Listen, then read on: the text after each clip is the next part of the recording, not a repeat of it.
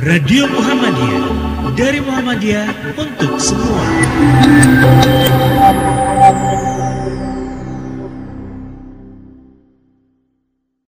Assalamualaikum warahmatullahi wabarakatuh. Innal hamdalillah nahmaduhu wa nasta'inuhu wa nastaghfiruh wa na'udzu billahi min sururi anfusina wa min sayyiati a'malina may yahdihillahu fala mudhillalah wa may yudlilhu fala hadiyalah. Asyhadu an la ilaha illallah wahdahu la syarikalah wa asyhadu anna Muhammadan abduhu wa rasuluhu la nabiyya ba'dah. Allahumma salli wa sallim wa barik ala Muhammadin wa ala alihi wa sahbihi ajma'in amma ba'du. Qala Allah Ta'ala fil Qur'anil Karim A'udzu billahi minasyaitonir rajim. Ya ayyuhalladzina amanu in ja'akum fasikum binaba'in fatabayyanu an tusibu qauman bijahalatin fatusbihu ala ma fa'altum nadimin. Wahai orang-orang yang beriman, inja akum jika datang kepada sekalian, fasikun, seorang yang fasik, binabain dengan membawa satu berita, satu kabar, informasi, fatabayyanu maka bertabayunlah kamu antusibu kauman supaya tidak menimpa kepada satu kaum bijahalatin dengan kebodohannya. Fatus bihu maka jadilah kamu sekalian ala ma fa'altum atas apa yang kamu lakukan nadimin menjadi orang yang menyesal. Ibu bapak jemaat sekalian yang dirahmati Allah Subhanahu wa taala, kita akan membahas ayat ini dikaitkan dengan kekinian yang disebut dengan istilah huk atau hoak. Jadi hoak dalam pandangan Al-Quran dan hadis. Kita akan membahas tema ini, tapi maknanya bukan berarti saya ingin mengajari supaya berbohong.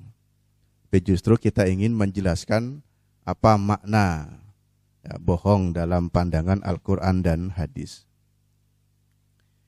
istilah hoak ya, atau hook itu kalau dalam KBBI ya memang belum belum muncul ya, belum ada istilah hoak itu karena kan ini istilah ya gaul atau kekinian. Kalau yang ada dalam KBBI yaitu bohong. Kalau dicari kata bohong itu ada. Ya. Sebenarnya apa itu makna atau hoak? Ya hook atau hoak itu artinya sebuah berita bohong ya, berita bohong atau menipu atau istilah orang kabar burung atau istilah hook atau hoak itu informasi yang palsu yaitu arti hoak ya. Tentu dalam pengertian makna hoak itu adalah satu usaha untuk menipu atau mengakali si pembaca atau si pendengar untuk mempercayai sesuatu padahal orang yang menyampaikan informasi tersebut tahu kalau berita tersebut bohong atau palsu. Itu disebut dengan istilah huk atau hoak. Ya simpelnya dalam bahasa pendekatan kita agama bohong saja itu. Jadi hoax itu adalah bohong, berita bohong. Saya ingin menyampaikan dalam kajian ini tentang istilah bohong. Pertama, ya, kita tidak boleh bohong atau jangan bohong. Lalu yang kedua, jangan tertipu dengan berita bohong. Dan yang ketiga, jangan menyebarluaskan berita bohong. Kira-kira tiga hal itu. Jangan berbohong, jangan tertipu dengan kebohongan, dan jangan menyebarkan berita bohong. Contoh berita bohong atau hoak itu begini. Ya. Umpamanya, Bapak Ibu melihat seseorang, katakan saja namanya Budi ya, mohon maaf kalau ada nama Pak Budi. Karena nama Budi ini sejak dulu ya, ini Budi, ini Bapak Budi ya. Ya ada ini terkenal namanya Budi. Katakan saja namanya Budi. Bapak bercerita tentang, eh, si Budi kan kemarin baru menikah tanggal 10 Januari. Gitu. Katanya kan Budi baru menikah tanggal 10 Januari. Itu kan berita tuh.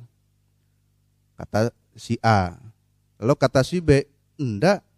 Lah tanggal 10 Januari saya lihat Budi lagi makan bakmi. Nah, berarti berita itu adalah berita hoak, berita bohong. Si A mengatakan si Budi menikah tanggal 10 Januari, padahal kata si B, saya melihat langsung si Budi tanggal 10 itu ada itu di warung sana, tidak menikah dan tidak ada acara pernikahan. Itu contoh ya. Jadi itu berita berita bohong. Nah, apa arti bohong? Nah, apa makna bohong? Kalau kita buka di dalam KBBI, bohong itu artinya sesuatu yang tidak sesuai dengan keadaan yang sebenarnya, itu bohong. Sesuatu yang tidak sesuai dengan keadaan yang sebenarnya.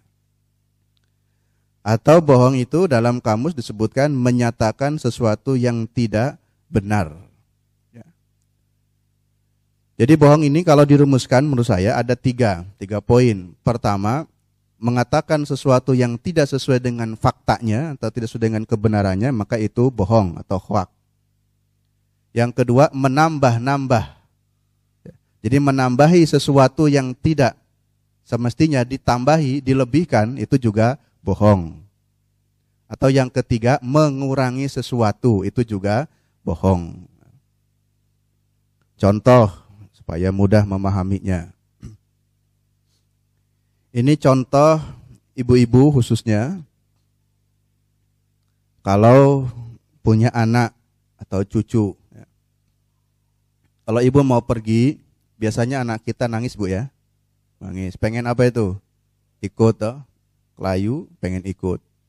Bagaimana caranya supaya anak anda ikut? maka berbohong.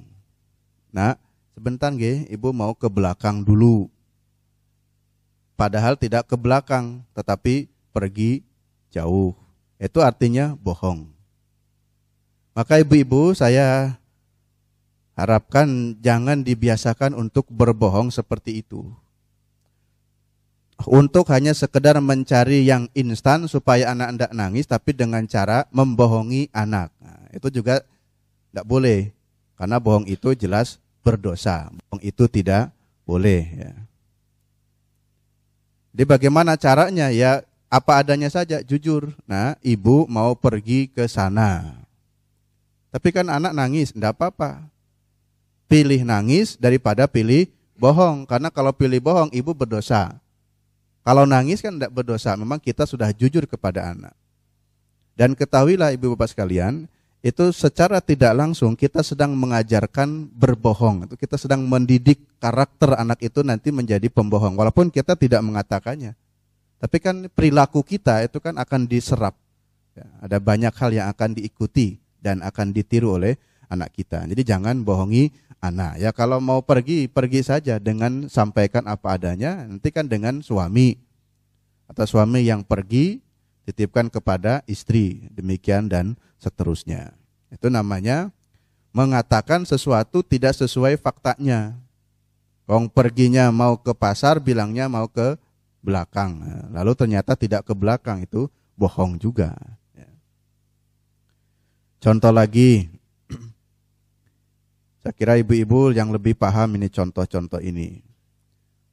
Kalau anak kita nangis, rewel, tidak mau berhenti, biasanya caranya bagaimana?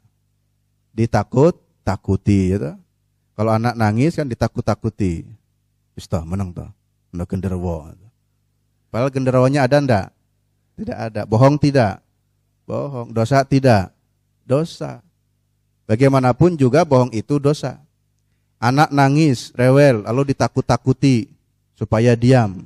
Nanti ada genderuwo, ada wewe, ada setan, ada macam-macam. Tujuannya supaya diam. Intinya cuma diam, tetapi bagaimana cara anak diam dengan cara berbohong? Nah, itu yang tidak boleh. Jadi mari kita belajar ya dalam hal sekecil apa pun tidak boleh berbohong. Karena jelas bohong itu hukumnya dosa. Ya, dan itu biasanya cara-cara orang tua dulu. Kalau pendidikan sekarang kan tidak begitu, tidak boleh menakut-nakuti. Dan ibu-ibu, bapak-bapak bisa melihat kenapa anak kita penakut atau kenapa ada cucu kita menjadi seorang cucu yang penakut. Karena sudah dibayang-bayangi dengan bayangan yang sebenarnya belum tentu begitu. Mau pergi keluar takut setan. Eh, kapan kamu pernah lihat setan? Kok jadi takut begini? Karena itu memorinya sudah terpenuhi dengan cerita-cerita bohong. Nanti ada setan, ada ya berbagai macam hal disebutkan yang sebenarnya ibu sendiri, bapak sendiri belum pernah melihat itu. Ya. Itu kan sama dengan sedang membohongi dan secara tidak langsung yaitu sedang mendidik anak kita menjadi seorang penakut. Ya. Nah, jadi ini istilah huk atau bohong. Ya. Istilah hoak itu sebenarnya kalau dilihat dari sejarah itu mulai muncul tahun 2006. Ya, istilah istilah hoak ini kata hoak itu tahun 2006 itu munculnya di Amerika. Itu diawali dengan sebuah film ya, film yang berjudul apa itu? The Hook gitu, The Hoak itu. Memang berisi ya tentang kepalsuan-kepalsuan isi isi film itu. Maka kemudian dirumuskan setiap ada berita bohong itu disebut dengan hook atau hoak itu. Itu mulai dimunculkan itu di Amerika tahun 2006 dengan ya, film yang judul The Hook itu. Ibu-ibu, bapak-bapak, jemaah sekalian yang dirahmati Allah Subhanahu wa taala. Yaitu definisi dari hook atau definisi dari bohong. Ya. Yang kedua yang ingin kami sampaikan adalah kita tidak boleh berbohong. Ya. Jadi jangan berbohong. Tadi ya, sekecil apa pun jangan berbohong. Dalil-dalil yang menunjukkan tidak boleh berbohong cukup banyak. Tadi malam saya mencoba melihat kata bohong dalam hadis di Maktabah Samilah itu. Itu kurang lebih ada 62 hadis. Jadi menunjukkan ya bohong itu memang tercela. Di antaranya saya bacakan beberapa hal yang berkaitan dengan bohong. Ini larangan berbohong. Jadi nanti larangan nanti ya melakukan hoax. Pertama karena kalau bohong itu termasuk sifat munafik. Ya. Jadi bohong itu termasuk sifat munafik. Seperti dalam hadis riwayat Bukhari ya. Ayatul munafiqi salasun Tanda munafik, ciri-ciri orang munafik itu salah sun, ada tiga. Yang pertama, idah haddasa kaddaba. Apabila berkata itu kaddaba, bohong atau berdusta. Wa ida wa'ada akhlafa. Apabila janji, mengingkari. Wa ida tumina khona. Apabila diberi amanat, dia khianat. Ya. Nah, ini poin yang pertama bahwa orang berbohong itu sebenarnya ciri munafik. Maka kita tidak perlu menunjuk orang lain, tunjuk saja diri sendiri. Kalau ada dalam perilaku-perilaku kita terbiasa berbohong, itu tandanya dalam jiwa kita masih ada sifat munafik. Ya. Saya juga tadi contoh yang tadi mencoba menerapkan dalam prakteknya Ketika anak saya ingin ikut kelayu kan nangis. Saya tidak mau berbohong. Saya tahu risikonya akan nangis. Bahkan bisa jadi marah kalau anak pengen ikut lalu dilarang. Tapi pilihan saya lebih baik dia nangis daripada saya harus berbohong. Kan nanti tanya, Bi mau ke mana? Bilang mau pengajian umpamanya. Ikut. Bilang tidak usah ikut dulu ya. Ikut. Tidak ikut dulu ya. Sampai nangis pun tidak apa-apa. Memang jujur saya mau pergi pengajian. Daripada bilangnya saya mau ke kamar mandi. Ternyata nanti pergi. Nah, itu kan berbohong. Padahal saya bukan ke kamar mandi tapi ke pengajian. Berarti kalau saya melakukan kebohongan sebenarnya dalam jiwa saya itu ada sifat munafik. Jadi sekecil apa pun jangan dibiasakan berbohong. Bapak-bapak contoh ya. Bapak dapat undangan rapat atau kebetulan Bapak yang jadi khotib Jumat. Pak, besok ya diundang rapat. Bisa hadir tidak? Bapak ini sebenarnya sedang malas untuk hadir. Lalu bilangnya, mohon maaf, saya baru sakit. Padahal sebenarnya tidak sakit. Bohong tidak Pak? Bohong. Bohong bilang sakit padahal tidak sakit. Kalau tidak mau rapat atau pas ngisi ceramah tidak bisa ngisi ceramah, ya jangan bilang sakit. Kalau memang dirinya tidak sakit. Kalau mengatakan sakit padahal tidak sakit itu namanya berbohong. Memang orang lain tidak tahu, panitia tidak akan tahu. Tetapi kan Allah tahu. Karena kan sifat baik dan buruk itu kan kita tahu. Setelah tahu hadis-hadis dan dalil dan Allah juga tahu. Jadi kalau begitu, sekali-kali jangan dibiasakan berbohong ya sekecil apa pun karena itu menjadi salah satu ciri munafik. Bagi pedagang juga jangan berbohong Nah, ini Bapak Ibu yang bisnis, yang punya dagangan tidak boleh berbohong. Sampaikan apa adanya. Jangan ditutup-tutupi. Keberkahan Allah itu ada pada kejujuran di dalam berdagang. Karena hadis tentang itu juga ada ya, hadis riwayat Muslim. Wa man da'a da'aka dibatan liyatakassaru biha lam yazidhu Allahu illa qillatan. Siapa orang yang mengklaim atau mengakui dengan sebuah kebohongan dengan tujuan untuk menambah lebih banyak lagi, rizkinya lebih banyak lagi atau keuntungannya lebih banyak lagi, tetapi dengan cara kadibah, dengan cara berbohong, maka lam yazidhullah. Allah tidak akan menambahkan keuntungan itu illa qillatan, melainkan hanya sedikit. Jadi tujuannya ingin memperoleh keuntungan yang besar tapi dengan cara berbohong itu malah jadi sedikit rezekinya, jadi sedikit keuntungannya. Contoh Bu ya, ini yang keseharian saja. Mohon maaf, pedagang buah ya. Dulu saya ingat kalau di kereta api atau di bis kan suka ada pedagang ya, pedagang jeruk, jeruk manis, jeruk manis. Manis, satu kilo umpamanya berapa? Sepuluh ribu. Ini manis sekali. Ini jeruk apa? Bla bla bla dijelaskan supaya menarik si pembeli. Kalau nggak percaya silahkan cicipi, ambilkan jeruknya. Tapi yang diberikan yang manis.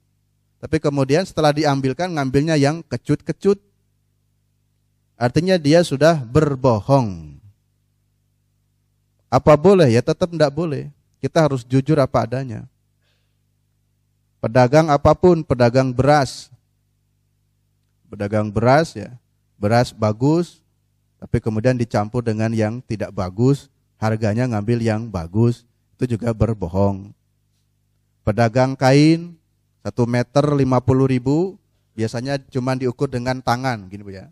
Kalau begini pas, tapi kadang-kadang ininya tidak lengkap, sudah set, set. Jadi nggak genap sebetulnya. Pedagang bensin, mohon maaf ya, Jangan ditulisi satu liter delapan ribu umpamanya. Padahal dalam botol itu belum tentu ada satu liter. Bensin satu liter delapan ribu. Padahal kalau betul-betul di liter itu tidak ada satu liter. Lebih baik menurut saya tulisannya satu botol delapan ribu. Satu botol kan terserah. Bisa jadi lebih satu liter, bisa jadi kurang satu liter. Tapi kalau ditulisnya bensin satu liter delapan ribu, lah kalau ternyata Anda ada satu liter, kan tanggung jawab moral kita selaku ya, subjek, selaku pedagang kan, apalagi dengan sengaja memaksudkan dikurangi tidak genap satu liter, nah itu juga bohong. Jadi berhati-hati hadis tentang bohong pun ya ini dalam kategori para pedagang juga ada larangannya. Yaitu bahasa lain ya hook gitu ya. Hanya bedanya dengan ucapan atau dengan tulisan juga sama ya. Promosi Kemudian dalam bercanda pun ini hati-hati ya. Jadi Nabi mengingatkan, ini hadis riwayat Trimidi, dalam bercanda pun tidak boleh berbohong. Tujuannya supaya gergeran, supaya orang lain senang. Tapi intinya bohong itu. Dia ketawa di dalam kebohongan. Dia menikmati kebohongan itu. Itu salah. Dalam hadis Nabi disebutkan wailul lil ladina yuhaddisu bil hadisi liyudhika bihi al qaum fayukadzibu wailul lahu wailul lahu. Ya. Kecelakaan bagi orang yang berkata dengan satu perkataan yang tujuannya supaya dia tertawa, liudhahik, supaya senang, dagel, tapi sebenarnya bohong. Ya. Itu diingatkan oleh Nabi, maka orang yang seperti itu, wailullahu, celaka bagi dia, celaka bagi dia. Ya. Itu untuk menunjukkan memang bohong itu tidak boleh, jangan. Ya. Jadi ya tadilah marilah kita bersama-sama belajar untuk tidak berbohong. Sampai kepada binatang pun tidak boleh bohong, Bu. Kan ada hadisnya tuh. Pamanya gini, ya. Ada ayam tuh. Kita kasih kruk. Ayam kan nyamper tuh. Dikasih nasi, tapi setelah ayamnya dekat malah nasinya dimakan kita mm, gitu. Itu namanya membohongi ayam. Itu hadisnya ada, itu juga tidak boleh bohong. Ya. Jadi hal-hal yang kecil itu ternyata kadang dilakukan oleh kita. Kita sudah tahu Ya. Bapak Ibu yang tidak senang dengan kucing, takut supaya kucingnya pergi diiming-imingi ikan, pus pus itu. Akhirnya kucingnya keluar tapi ternyata makanannya nggak diberikan. Itu bohong itu. Kalau memang suruh keluar enggak apa-apa, kasih makanan tapi jujur asli, ya makanannya kasihkan kucing biar kucing keluar. Itu hal-hal yang semacam itu banyak terjadi. Sehingga saya juga suka mengingatkan dengan anak jangan bohongi kucing. Kalau nggak suka kucing yang ngasih makan ya kasih makanannya. Jangan cuma gini-gini keluar lalu tutup pintunya. Berikan makanannya. Ya, karena itu juga jelas ada larangannya di dalam hadis. Ya, nah itu. Jadi berbohong tidak boleh. Sekarang juga banyak dibicarakan tentang bohong dalam pengertian huk atau hoak. Ini pemerintah sedang ya, menggodok satu aturan Jangan sampai ini di media, WA, tweet, Facebook dan lain sebagainya ini beredar berita-berita hoak atau berita-berita bohong. Ya. Maka Bapak Ibu hati-hati ya kita contoh saja yang mudah ini WA ya. Jadi informasi-informasi di WA itu kan kadang kala kita tidak jelas ini benar apa salah. Ini berita hoak atau enggak. Lalu pemerintah ingin mengatur aturan ini. Ya, seorang pengamat siapa lupa namanya ya ketika menjelaskan tentang hoak justru pemerintah itu berpeluang membuat hoaknya lebih besar daripada rakyat Umpamanya contoh ya, kita sering mendapatkan kabar berita PKI Bu ya. PKI bangkit nih, PKI bangkit. Hati-hati, PKI bangkit, PKI bangkit. Umpamanya kata pemerintah, siapa bilang itu berita hoak? di Indonesia itu tidak ada PKI, jangan dibesar-besarkan. Kan kita jadi bingung, yang betul itu mana? Jangan-jangan pemerintah juga yang berbohong. Karena sebenarnya kebohongan yang dilakukan oleh penguasa itu sangat lebih mudah. Intel punya ahli teknologi banyak. Buat saja berita yang bohong itu sangat mudah. Jadi kekuasaan punya. Maka di sini saya ingin juga mengingatkan kepada para penguasa ya. Jangan berbohong. Ada hadisnya tentang pemerintah juga hati-hati. Ya. Jangan menekan kepada rakyat atau masyarakat. Jangan membuat kebohongan. Tetapi untuk kepentingan kekuasaan juga kadangkala pihak penguasa justru yang membuat kebohongan. Kan jadi bingung kita. Ya. Nah ini hadisnya saya bacakan. Hadis riwayat Muslim. Salah satu ada tiga golongan manusia la yukallimuhumullah yaumal qiyamati wa la yuzakkihim. Ada tiga golongan manusia yang nanti kelak pada hari kiamat tidak akan diajak bicara oleh Allah, tidak akan disucikan, ya, alias orang itu tentu akan disiksa. Ya. Siapa saja ketiga golongan itu? Yang pertama dan tadi wala yuzakihim walahum adabun alim dan dia akan mendapatkan siksa yang alim, yang pedih. Ketika golongan itu, ketiganya itu, yang pertama syaikhun zanin, orang tua yang berzina. Dua tua kok zina.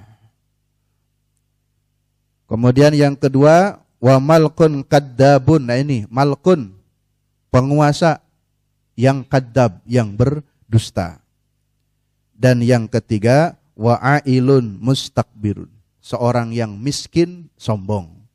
ya. Dan miskin sombong. Nah, yang mau disombongkan apa? Kalau orang kaya sombongkan orang mungkin akan masih bilang mending ada yang disombongkan harta ada.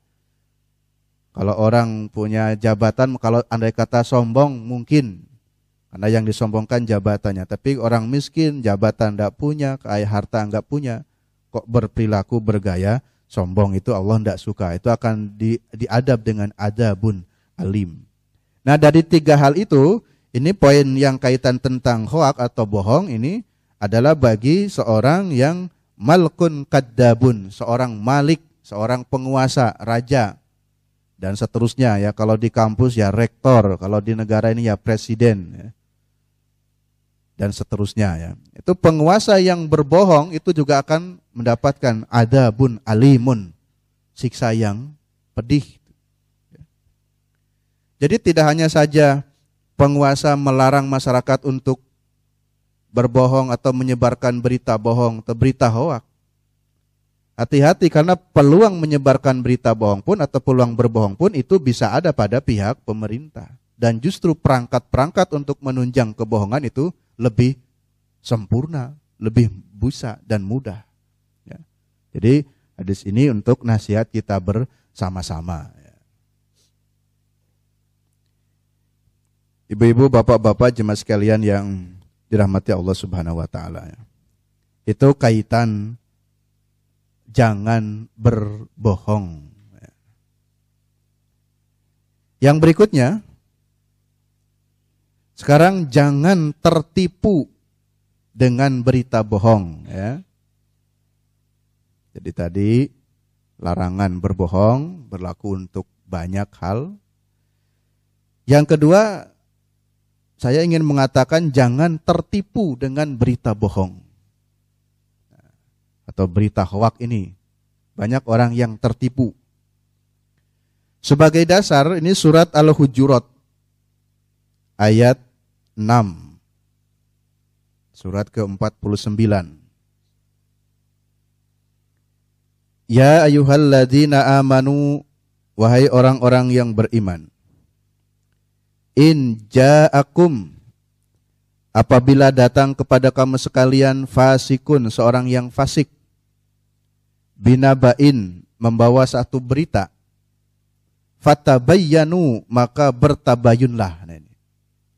Jadi Bapak Ibu kalau mendapatkan satu informasi, satu berita itu perintah agama itu harus tabayun dulu. Ini berita hoak apa bukan? Sebenarnya agama sudah mengingatkan. Tujuannya apa? Antusbihu kauman bijahalatin supaya tidak terjadi madorot menimpa kepada satu kaum. Bisa saja tuh kita tertipu dengan berita bohong, malah yang terjadi keburukan kepada satu kaum. Fatusbihu ala ma fa'altum nadimin. Maka kamu nanti akan menyesal dengan apa yang kamu lakukan.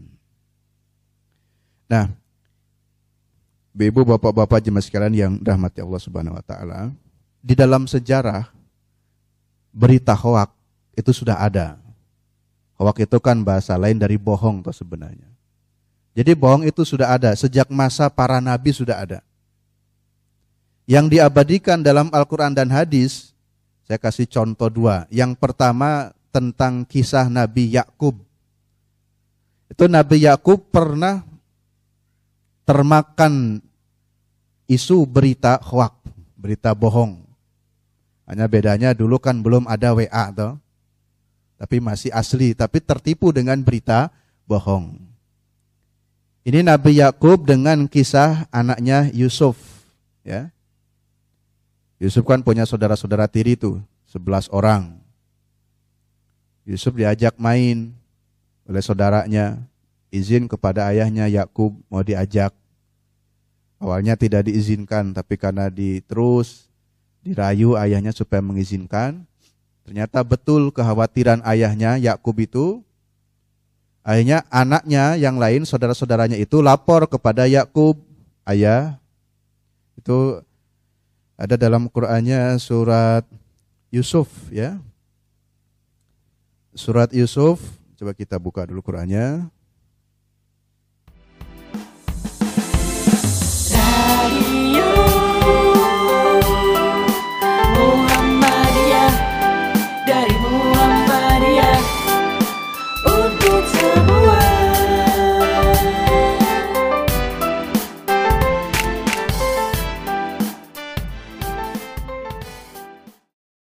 Surat Yusuf ayat 16 dan 18.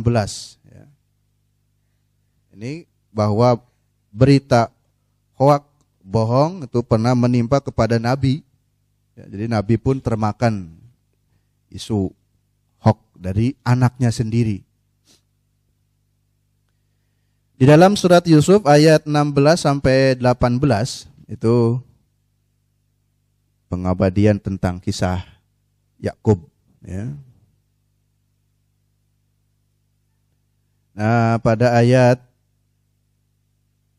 yang ke-16 waja'u abahum isya'an yabkun. Ya. Jadi mereka datang tuh menemui ayahnya Yakub yabkun sambil menangis. Ya, ini nangis apa ini namanya? Nangis palsu ya. Nangis kan banyak tuh, ada nangis sedih, nangis palsu, nangis rayuan. Ini nangis kepalsuan ini saudaranya pura-pura nangis, berbohong ini.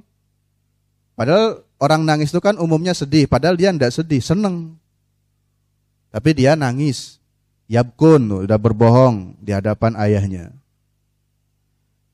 Lalu kemudian kalau mereka berkata, Ya abana inna dahabna nastabiku wa tarokna inda mata ina fa'akalahu di'bu. Jadi bohong ayah, bahasa kita ya, maafkan ayah. Tadi ketika kami bermain dengan Yusuf, Yusuf pas kami tinggal, kami bermain punya peta umpet ya. Yusuf sendirian ditinggal, itu datanglah seorang seekor di'bun, serigala jadi Yusuf diterkam serigala, mati. Dan seterusnya ya. Lalu dengan ingin ingin apa? Menguatkan kebohongannya di ayat 18-nya, waja'u ala komisihi bidamin kadibin. Dia membawa bukti pakai baju Yusuf dirobek, diambil, cabi-cabi dan dikasih dam, darah, darah binatang. Ini ayat buktinya ya. Jadi dia menampakkan seorang yang sedih, bohong padahal hatinya tidak sedih. Lalu kemudian mengatakan Yusuf sudah meninggal, Yusuf mati, diterkam serigala padahal tidak diterkam serigala. Dan Nabi Yakub percaya. Nabi Yakub termakan isu hoax dari anaknya sendiri. Nah, jadi ini contoh ya. Jadi Nabi Yakub pun pernah termakan isu berita bohong. Sejarah berikutnya Nabi kita Muhammad Shallallahu Alaihi itu pun Nabi kita pernah termakan isu berita bohong, berita huk. Ini ada dijelaskan dalam hadis. Ya. Hadisnya riwayat Abu Dawud tentang sebut dengan wadikrol ifki, hadis ifki. Jadi kisah singkatnya di hadis itu begini. Aisyah, istri Nabi, itu ikut bersama rombongan Nabi dalam perjalanan. Lalu karena ada satu hal, ada hajah, satu hajat keperluan, dalam sejarah disebutkan kalungnya hilang atau tertinggal di tempat hajat tersebut. Dikira Nabi Aisyah sudah ada dalam rombongan sehingga Nabi langsung instruksikan, mari kita lanjutkan perjalanan. Ternyata Aisyah tertinggal. Hanya kan Aisyah ketinggalan tuh sendirian. Pada waktu yang bersamaan ada seorang sahabat dalam rombongan Nabi juga sama. Ada satu hal keperluan yang membuat dia tertinggal dari rombongan Nabi. Namanya Sofwan bin Mu'attal. Ya. Sofwan sendirian. Lalu lihat Aisyah, waduh, ada Aisyah nih istri Nabi. Coba kalau ini terjadi kepada bapak, ya, melihat ini istri Nabi, tolong apa jangan? Hmm? Tolong. Kalau ditolong kemungkinan ada fitnah ya. Ini kalau saya tolong gimana, ndak enak. Masa berdua-duaan dengan istri Nabi. Tapi kalau nggak ditolong sendirian, apalagi di padang pasir sendirian, ada bahaya. Nanti kalau Nabi suatu saat ngecek, Aisyah ke mana ini?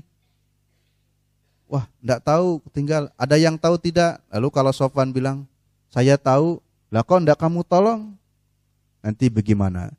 Saya kira kondisi Sofwan bin Mu'atol, kalau kita menjadi Sofwan, mungkin juga akan dilema. Ya contoh lah Bapak, Bapak naik motor sendirian, maghrib, malam, hujan, ada perempuan jalan kaki, tolong apa jangan Pak? Hah? Ada perempuan jalan kehujanan, udah malam, tolong apa jangan? Kalau ditolong, wah nanti bonceng perempuan yang bukan mahram, apalagi tetangga ngerti, wah apa enggak jadi rame nanti dengan istri. Kalau enggak ditorong juga ini kasihan ini di tengah malam perempuan sendirian. Nah, saya kira seperti itu uh, juga mungkin ya itu sesekali ada hati ingin menolong, tetapi sisi lain juga kita menjaga jangan sampai ada fitnah. Akhirnya Sofwan bin Mu'atol putuskan tolong. Aisyah ditolong, Kemudian Aisyah suruh naik kendaraannya, naik unta, dan Sofwan turun jalan kaki, nuntun. Nah dalam perjalanan itu ada orang-orang munafik, ada orang-orang fasik. Namanya orang fasik munafik kan, senengannya kan menyebarkan keburukan-keburukan. Maka diisukan, ini telah terjadi hoax pada masa Nabi. Aisyah selingkuh, Aisyah wah macam-macam beritanya. Sampailah berita hoax itu kepada Nabi. Nabi awalnya tidak percaya, tidak mungkinlah istri saya begitu. Tapi berita ini semakin kuat, santer, heboh. Ya, bahwa Aisyah telah melakukan keburukan. Buktinya, apalagi kalau dulu ada HP, dipoto, foto ini disebarkan di WA. Wah, sangat mudah sekali itu. Orang sekarang kalau mau bikin hoax bisa kok. Ya, naudzubillah ya tidak terjadi umpamanya orang benci dengan saya, gampang saja. Cari foto saya di internet ada, lalu kemudian dibuat wajahnya wajah saya, lalu rangkulan dengan perempuan lain, sebarkan. Ustadz A melakukan keburukan se-Indonesia Raya bisa dan cepat. Ini berita bohong. Dan Nabi terpengaruh karena santernya berita hoak itu. Sampai akhirnya untuk beberapa hari Aisyah tidak tinggal bersama Nabi, pulang ke rumah ayahnya Abu Bakar. Itu contoh Nabi pernah termakan isu dengan berita bohong atau berita huk. Kemudian turunlah surat An-Nur ayat 11 untuk mengklarifikasi tentang kisah Aisyah itu. Ya, nanti silakan dibuka surat Nur ayat 11. Dari dua contoh ini, istilah berita hoak atau berita bohong pernah menimpa kepada para nabi sebelumnya, maka tidak mustahil semakin menjelang akhir zaman fitnah akan semakin banyak, kebohongan-kebohongan akan semakin meluas. Kita menjadi bingung mana yang benar dan mana yang salah. Maka turunlah surat Al-Hujurat ini. Al-Hujurat ayat 6. Allah ingin mengingatkan, Ya ayuhalladzina amanu, wahai orang-orang yang beriman, inja akum jika datang kepada kamu fasikun, seorang fasik. Binabain dengan membuat satu berita, fatabayanu, tabayun dulu. Maka ini caranya Bapak Ibu, untuk merespon satu informasi atau berita, kita biasakan tabayun. Tabayun dulu. Ini perintah agama. Supaya tadi kita tidak termakan isu hoak ini. Walaupun beritanya sepertinya manfaat, sepertinya baik, tapi kalau belum tabayun jangan di-share ya. Ibu nggak usah merasa malu, wah ibu kok ndak eksis di grup ini ya, ndak apa-apa. Lebih baik diam daripada istilahnya eksis di grup, apa-apa di-share, apa-apa di-share. Belum tabayun. Kalau belum tabayun risikonya bahaya ini. Ya, risikonya bahaya. Contoh yang mudah di WA ada informasi kesehatan, menarik, bagus. Umpamanya contoh saja ya, dalam kesehatan siapa yang punya penyakit kanker bisa diobati tanpa harus operasi, tanpa biaya mahal, cukup makan buah mengkudu umpamanya. Gitu. Dan biar cepat sembuh, mengkudunya satu ember umpamanya. Mudah-mudahan bermanfaat ya. Mohon di-share. Lalu di-share. Dari sekian orang yang baca, betul ada orang yang punya sakit kanker. mungkin ekonominya lemah, dia tertarik, wah ini betul nih. Apalagi pakai tulis, ini dokter A, dokter Sarjito. Uh, makin mantep. Padahal tadi untuk mencari bukti-bukti penguat kebohongan seperti anaknya Yakub tadi. Kita jangan percaya dulu walaupun namanya dokter A. Dari sekian orang yang baca itu ada yang orang namanya lagi kalu atau sakit, tidak sembuh-sembuh. Wah ini ini mudah nih. Hanya carilah buah mengkudu satu ember dimakan. Habis satu ember karena ingin kankernya sembuh. Ternyata yang terjadi apa? makin parah. Bahkan setelah makan mengkudu besoknya mati. Maka itulah yang katakan fatus bihu alama fa'altum nadimin. Kamu jadi menyesal nanti. Udah ngasih sesuatu informasi, ternyata mencelakakan orang lain, mencelakakan satu kaum. Cara tabayunnya bagaimana? Fatabayyanu, tabayun. Kita punya kenalan ahli kesehatan, dok. Kok saya punya ini uh, kiriman di WA tentang kesehatan ini betul enggak dok? Gitu. Kan nanti dokter paham, oh ini enggak bohong ini. Jangan di-share begitu. Contoh lagi, masalah agama. Bapak Ibu kalau ingin rezekinya lancar, pokoknya rezekinya banyak, disuruh setiap malam Jumat sholat 100 rokaat, insya Allah akan lancar. Dan semakin banyak rokaatnya, rezekinya akan semakin lancar ini kiriman dari Ustadz Fulan. Lalu di share ya biar bermanfaat share semuanya. Sa Indonesia Raya cepat. lima menit mungkin sampai semuanya. Di antara sekian orang itu kan ada yang sedang galau.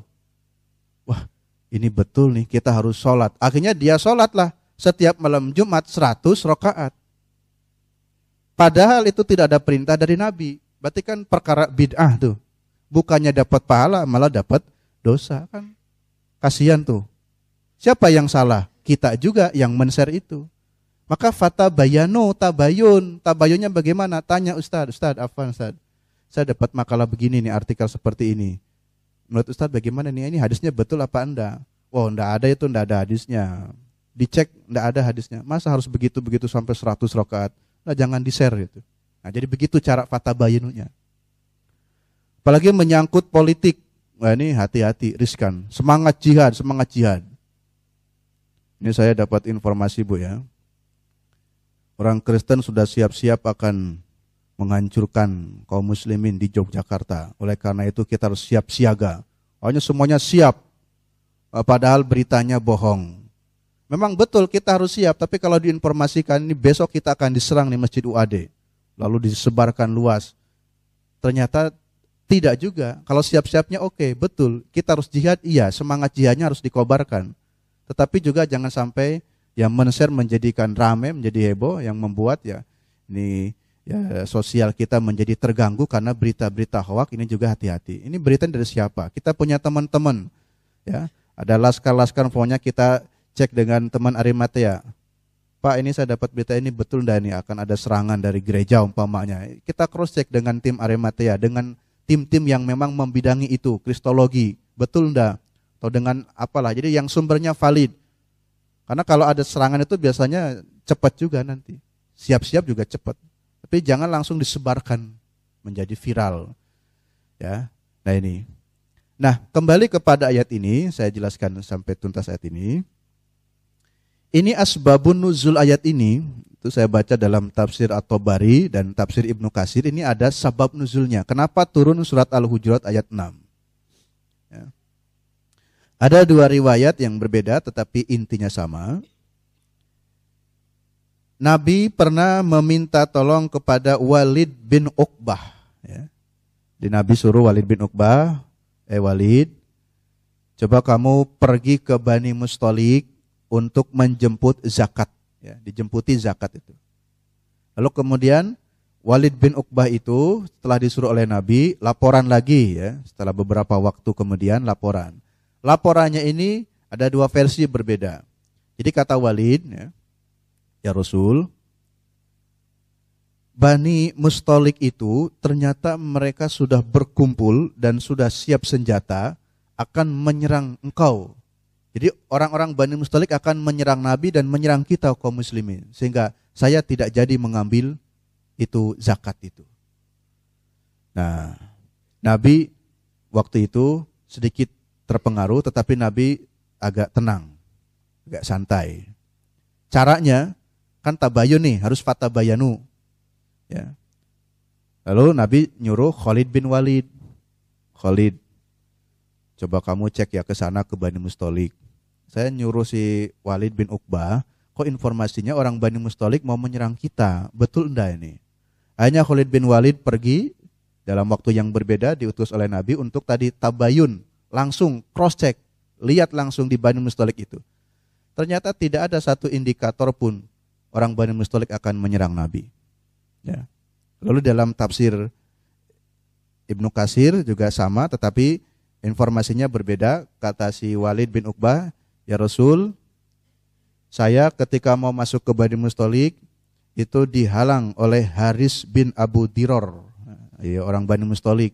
Dia menghalangi saya untuk menjemput zakat itu, kemudian dan bahkan mau membunuh saya sehingga saya e, kembali lagi. Itu laporannya begitu. Lalu kemudian Nabi juga cross check lagi, tabayun lagi kepada Bani Mustolik. Lalu Bani Mustolik mengatakan, enggak kok. Justru kami sedang menunggu-nunggu. Katanya Rasulullah akan mengutus seorang utusan mengambil zakat itu. Maka turunlah ayat ini, surat Al-Hujurat ayat 6, yang mengingatkan kita semua orang yang beriman kalau ada satu informasi fatabayyanu, tabayun, tabayun, cross check, konfirmasi dulu ya dan seterusnya klarifikasi. Demikian kiranya kajian kita pada kesempatan pagi ini. Intinya saya ingin menyampaikan jangan berbohong, berbohong itu larangan dari agama. Jangan tertipu dengan berita bohong dan jangan menyebarkan berita bohong. Demikian kiranya Kurang lebihnya mohon maaf. Billahi taufik wal hidayah. Assalamualaikum warahmatullahi wabarakatuh.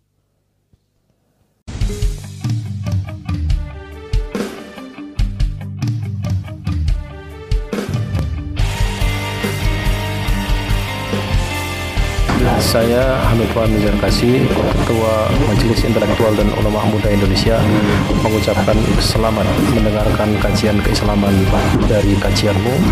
Kunjungi soundcloud.com slash kajianmu. Semoga mendapatkan pencerahan dan wawasan keislaman yang berkemajuan.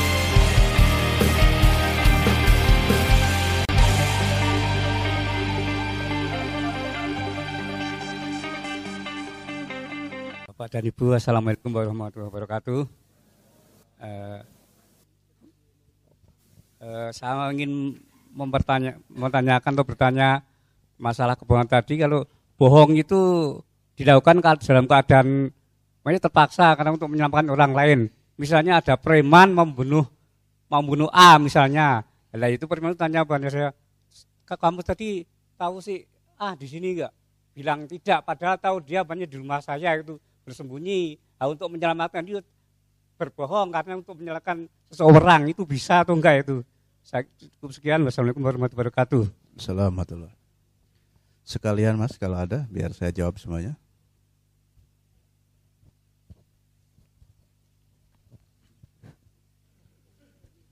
Assalamualaikum warahmatullahi wabarakatuh. Assalamualaikum.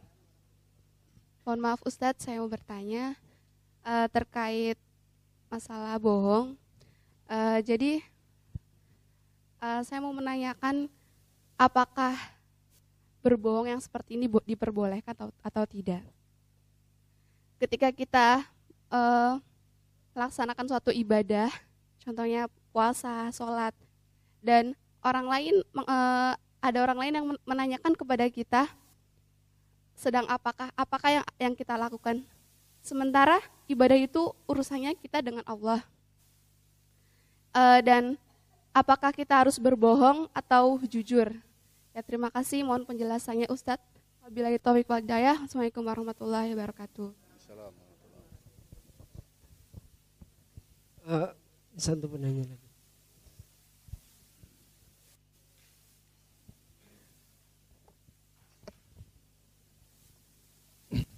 Terima kasih. Ada tiga pertanyaan Pak Ustadz.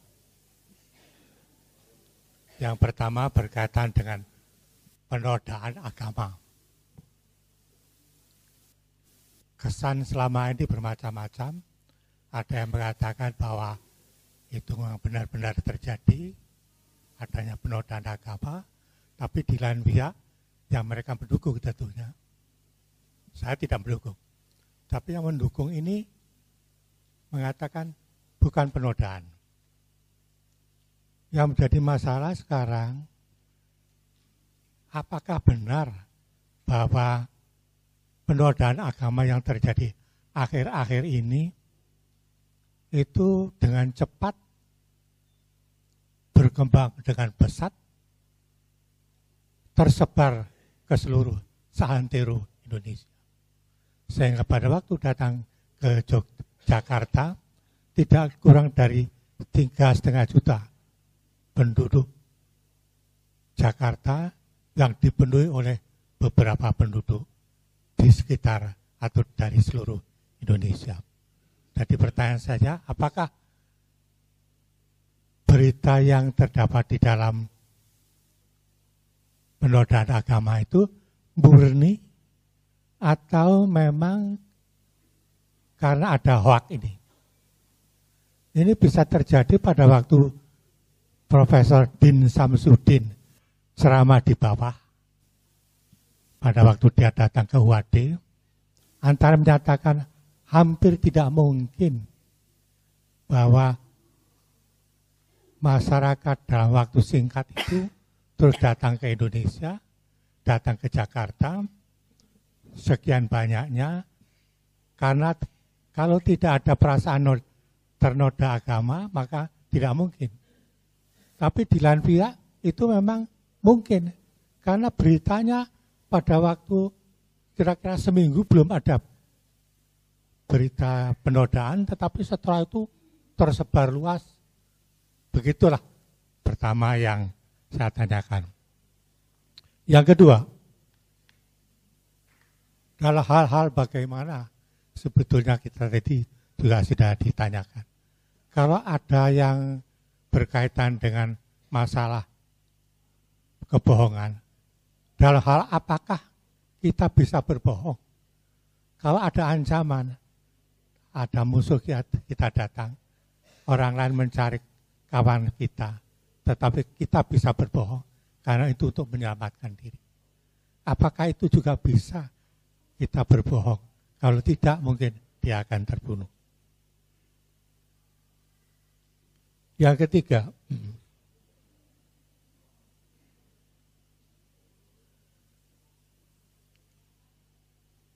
saya kira memang sangat sulit untuk kita mengatakan apa itu berbohong atau tidak.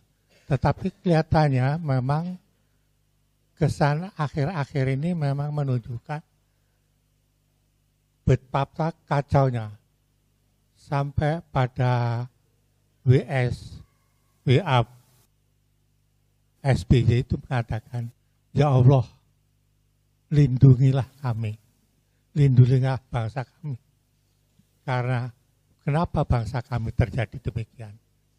Mohon dilindungi ini adalah akibat dari bicara bohong yang tidak terkendali lagi. Begitulah kira-kira keluhan atau ciuk dari SBY. Terima kasih. Ya. Mohon. Baik. Ada tiga penanya, tapi enam pertanyaan. Ibu-ibu tadi ada yang mau bertanya dan Bapak nanti setelah ini. Nah, jemaah sekalian yang rahmati Allah Subhanahu wa taala, saya ingin menjelaskan secara singkat dan umum untuk ketiga penanya tadi.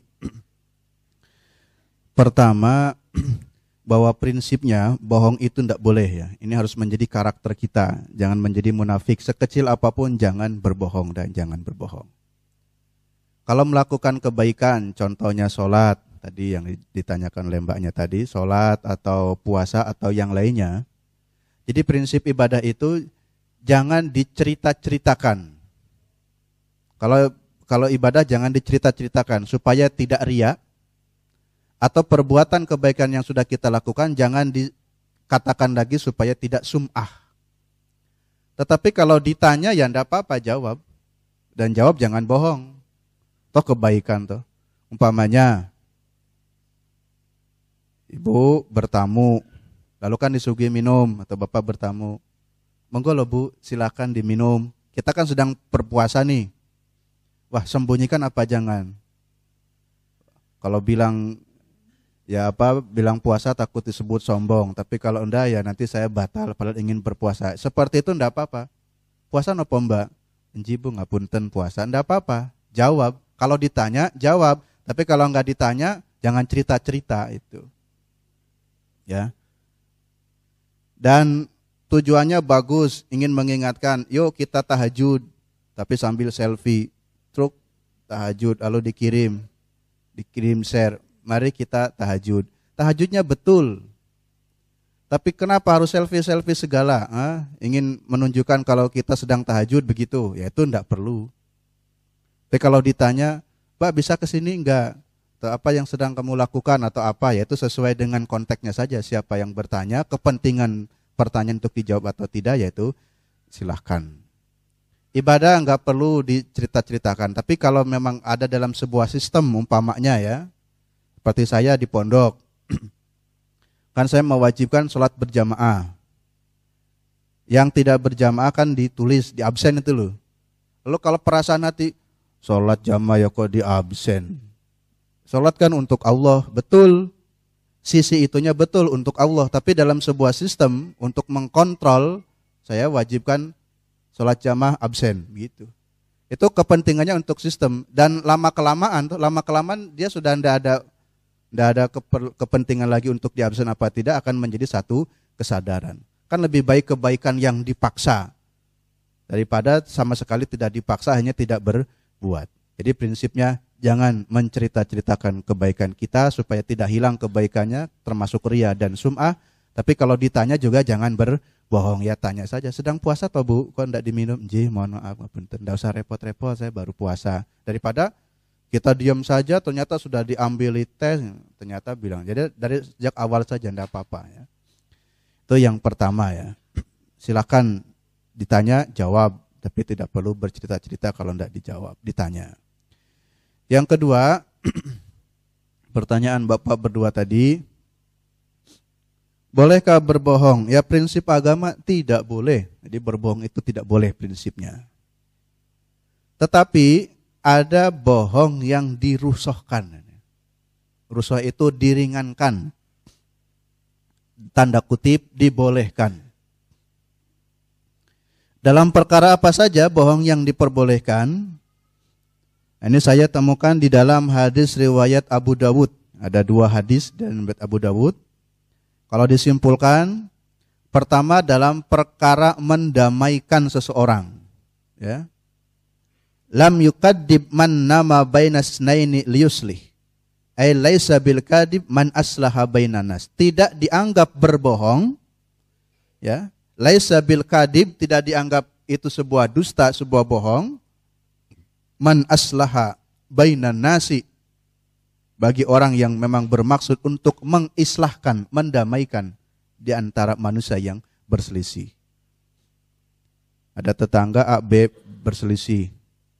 Lalu kita nih pihak ketiga mengatakan kepada si A, Bu, sebenarnya si B itu tidak seburuk yang ibu sangkakan kok.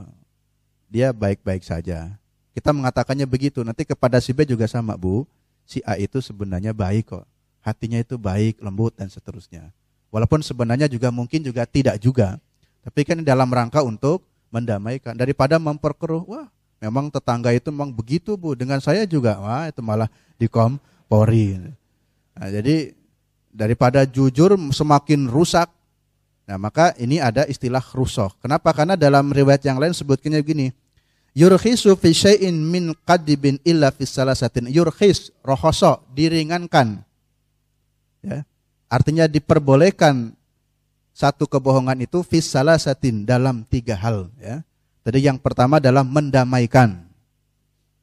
Termasuk kategori mendamaikan seperti pertanyaan Bapak tadi, kalau kita yakin ada seorang preman dan seorang jahat dan niatnya yakin niat jahat, niat buruk akan membunuh, mencari nama si A dan kita tahu si A itu ada dan si A itu baik.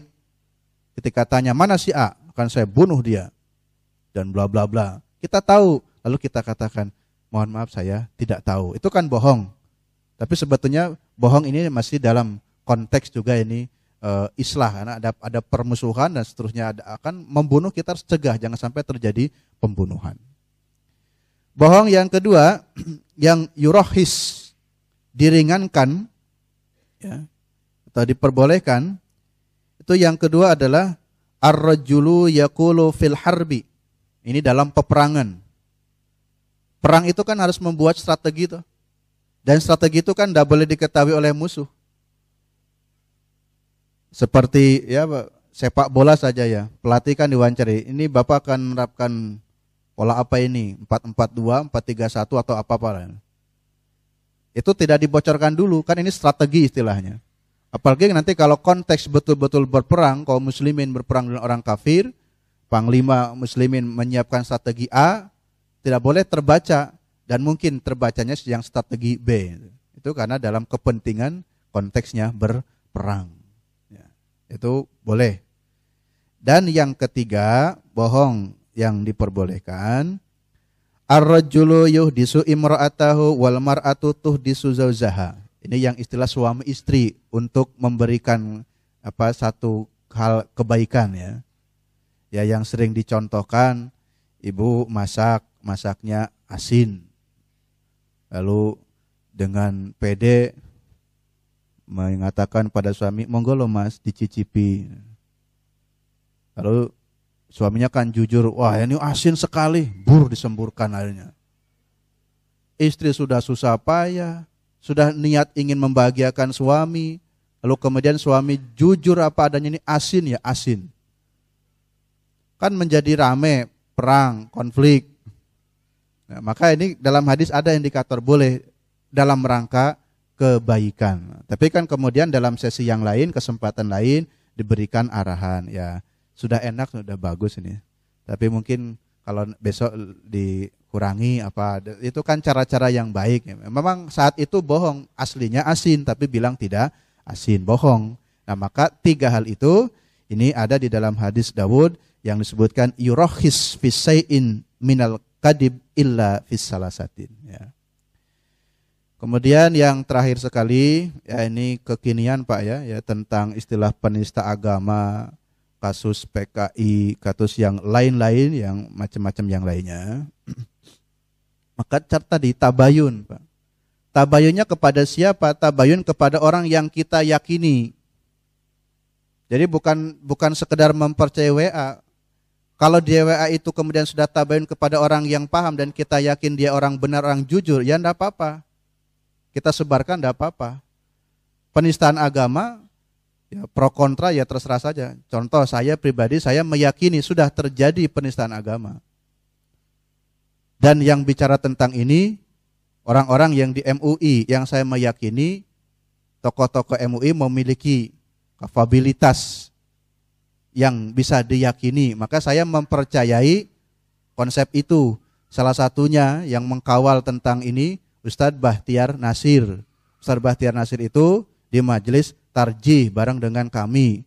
Ketika beliau mengatakan, ah ya kan saya sudah percaya karena Ustaz Bahtiar sama ditarji dan dengan ilmunya beliau saya meyakini, maka saya yakin telah terjadi penodaan agama. Jadi kalau ada informasi begitu di-share ya enggak apa-apa.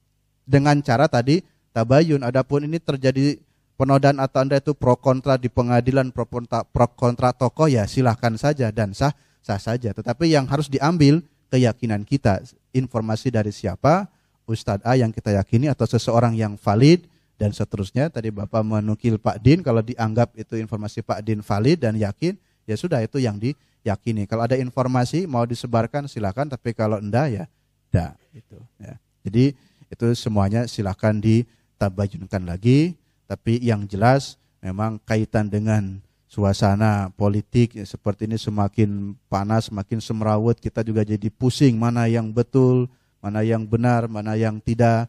Ya saya kira ya berhati-hati dalam hal-hal tertentu. Ya.